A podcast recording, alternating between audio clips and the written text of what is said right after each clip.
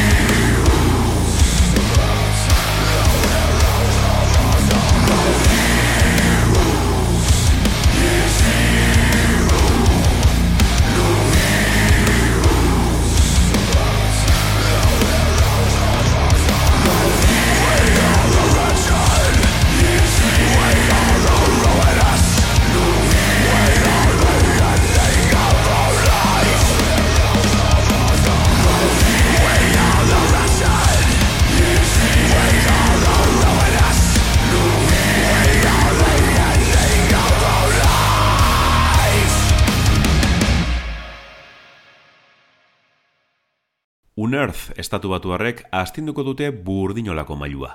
Munduaren gainbehera klimatikoa izan dute izpide lehen lanetik, eta kezka bera mantendu dute The Wretched, The Rhinos disko berrian. Metalcore doinu zuzenekin segitzen dute salatzen hau dena agortuko dela. Halere, garaiz gabiltza beraien diskografia dastatzeko. The Wretched, The Rhinos kantarekin hasi dugu saioa. Izena ez da beti abia puntua izaten. Unearth taldearen oinarria, larogita emezortzian elkartu zen Bostonen, Ameriketako estatu batuetan. Point Zero Four izenarekin batu ziren Buzz McGrath, Mike Rudberg eta Chris Rivicki musikariak. Gerora fitxatu zituzten Ken Susi eta Trevor Phipps. Unerth izena, Rudberg bateria jotzaileak berreskuratu zuen bere aurreko bandatik, eta aldaketa horrekin egin zuten aurrera. Lerogeita emeretzian, lehen abiziko lan laburra kaleratu zuten, zigilu independente batekin. Ordea, 2000 eta batean argitaratu zuten diskoetxe hobeago batekin The Science of Conscience estraineko diskoa. Hona hemen, Only the People.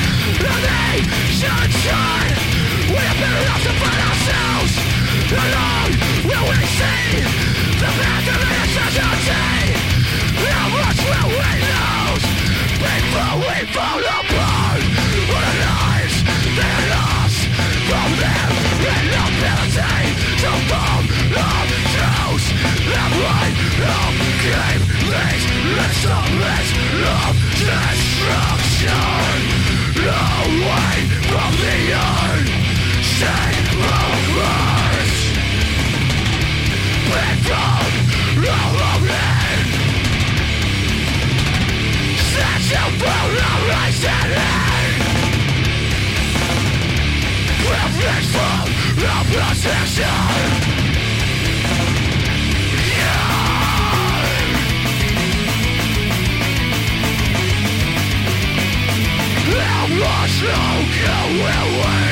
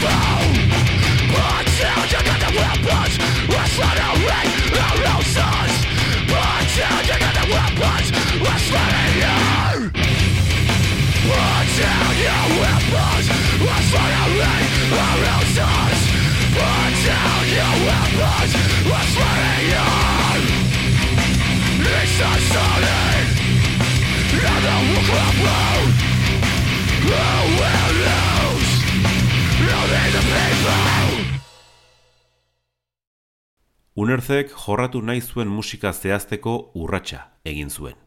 Metala eta jarkorea gustuko zituzten, eta metalkor estatu batuarraren olatua hartu zuten. Gainerako taldeek erabiltzen zituzten egiturak eta osagaiak errepikatzeko asmori gabe, pixkanaka, azpi generoaren adarretatik joan ziren. 2000 eta biko endless lan laburra izango zuten bilakaeraren atarikoa da. Hau duzue, endless.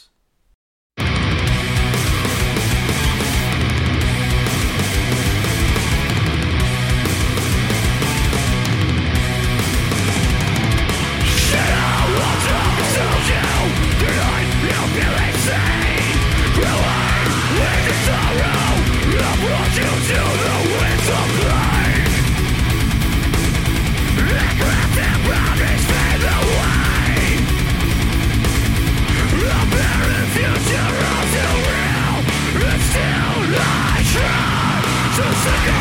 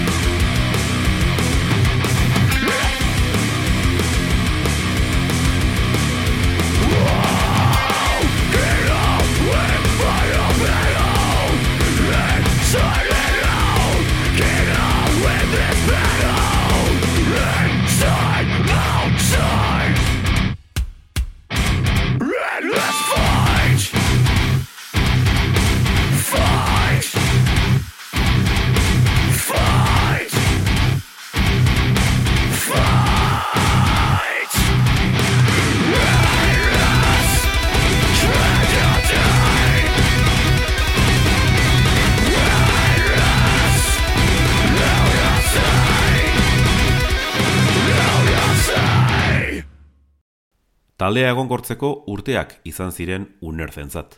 Ribiki bajistak eta Rutberg bateriak ustea erabaki zuten, eta euren behin betiko ordezkoak John Maggard eta Mike Justian izan ziren urren ez urren.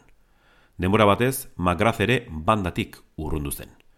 Boskote berrituak 2000 eta lauan plazaratu zuen The Oncoming Storm bigarren diskoa Metal Blade diskoetxearekin.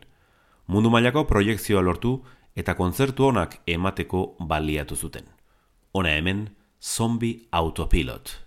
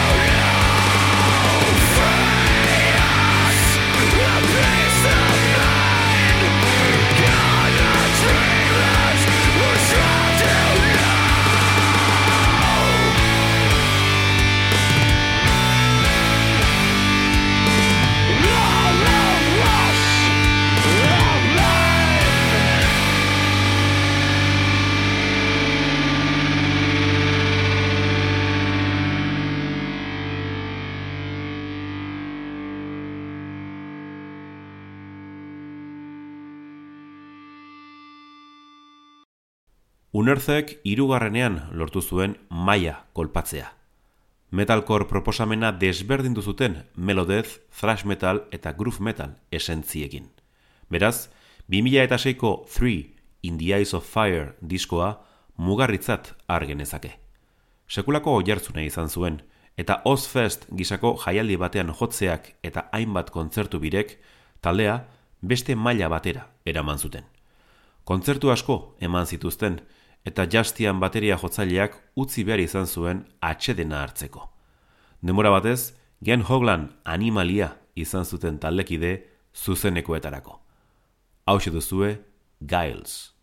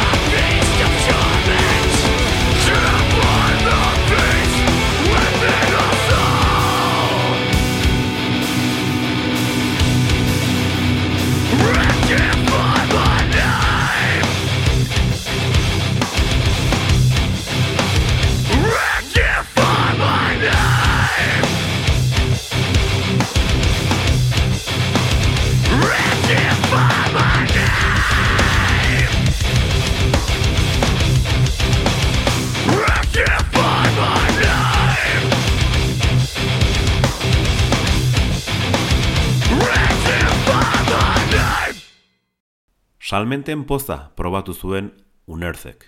Alere, irugarren diskoarekin ezarritako langa gainditu zuten laugarrenarekin. 2000 eta zortziko The March diskoaren eun mila ale baino gehiago saldu zituzten, agerian utziz euren momentua zela. Han eta hemen jotzeko aukera eman zieten. Esaterako, 2000 eta amarreko Download Festival jaialdian parte hartu zuten. Urte hartan, boskoteak albiste txar bat jaso zuen – Ribiki, bajista hoia, autoistripu batean hil zuten hogeita emeretzi urte zituela. Bestalde, azken urtetan taldeko bateria izandako Derek Kersbillekin harremana eten zuten. Justin Follick bete zuen haren utxunea. Hona hemen, Grave of Opportunity.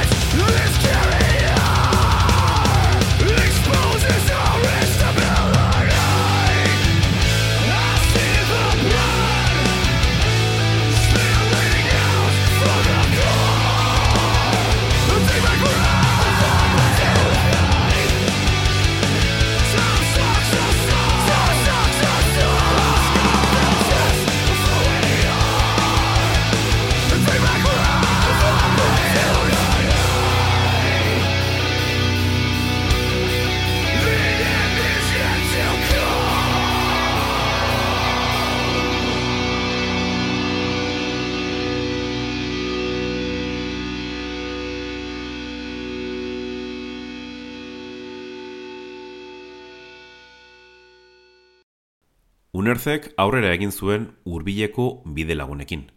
Lan berria ekoizteko Killswitch Engage bandako Adam Dudkiewicz musikari eta soinu ingeniaria fitxatu zuten. Ezin esan lehiakortasun handiegirik izan zutenik aipaturiko taldearekin, naiz eta antzeko tasun batzuk izan. 2000 eta amaikan kaleratu zuten emaitza, Darkness in the Light bosgarren diskoa.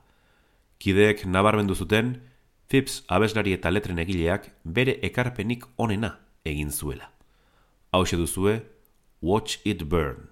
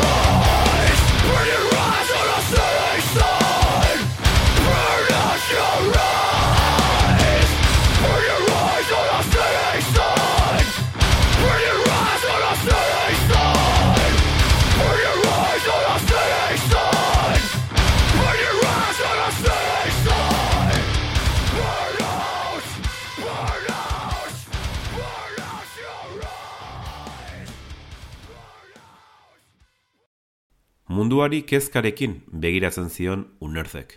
Aldi berean, sormen makina martxan mantendu zuten taula gainetik ez jaisteko. 2000 eta amalauan, Watchers of Rule segarren diskoa argitaratu zuten. Arturiko norabidea zuzena zela berretxita. Distira gutxiagokoa izanik ere, nahikoa izan zen zuzeneko konpromiso interesgarriak lortzeko. Bidarte horretan, Magard bajista agurtu, eta denbora behar izan zuten ordezko finko bat lortzeko. Azkenik, Chris O'Toole konfirmatu zuten. Ona hemen, This Worm.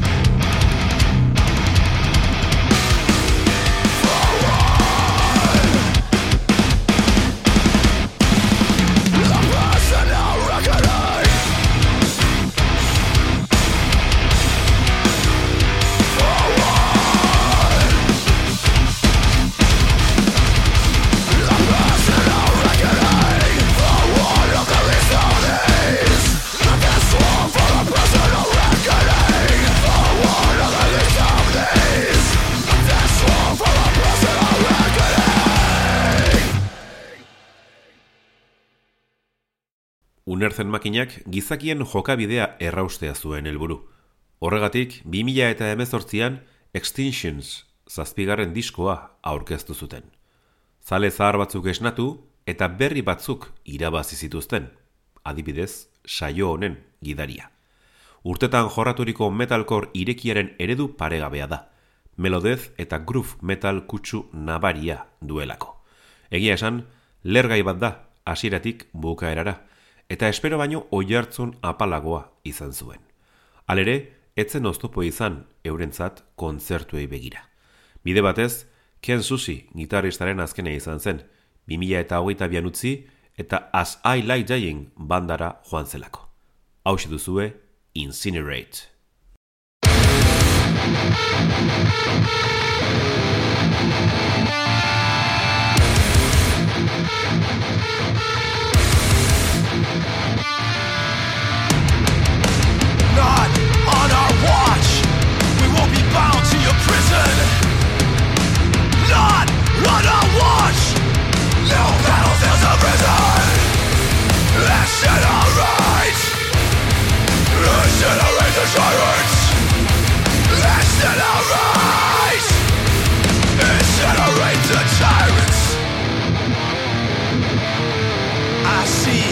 Nothing but strangers. Look who we become. Look who we become.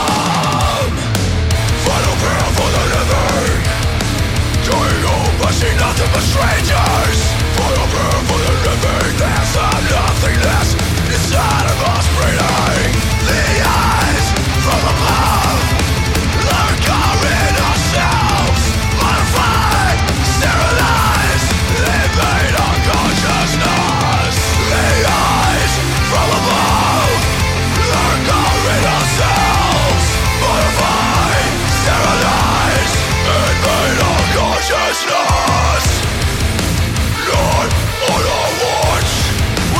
Bound to your prison. Not on our watch. No battlefields of prison Incinerate Incinerate the tyrants. Incinerate Incinerate the tyrants.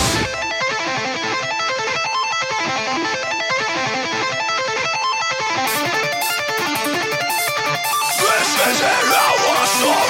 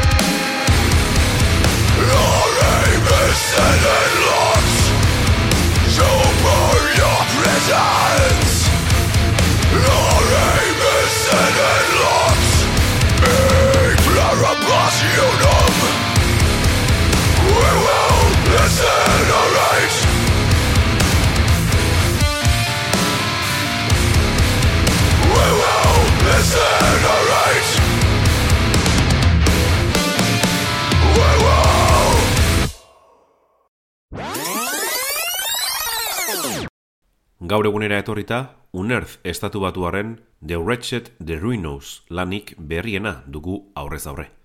errealitate gordina islatzen du, gizakiak eragindakoa. Klima larrialdia, gain populazioa, baliebide falta, gosea, gaixotasunak eta gerrak, besteak beste. Hausnartzeko modukoa da.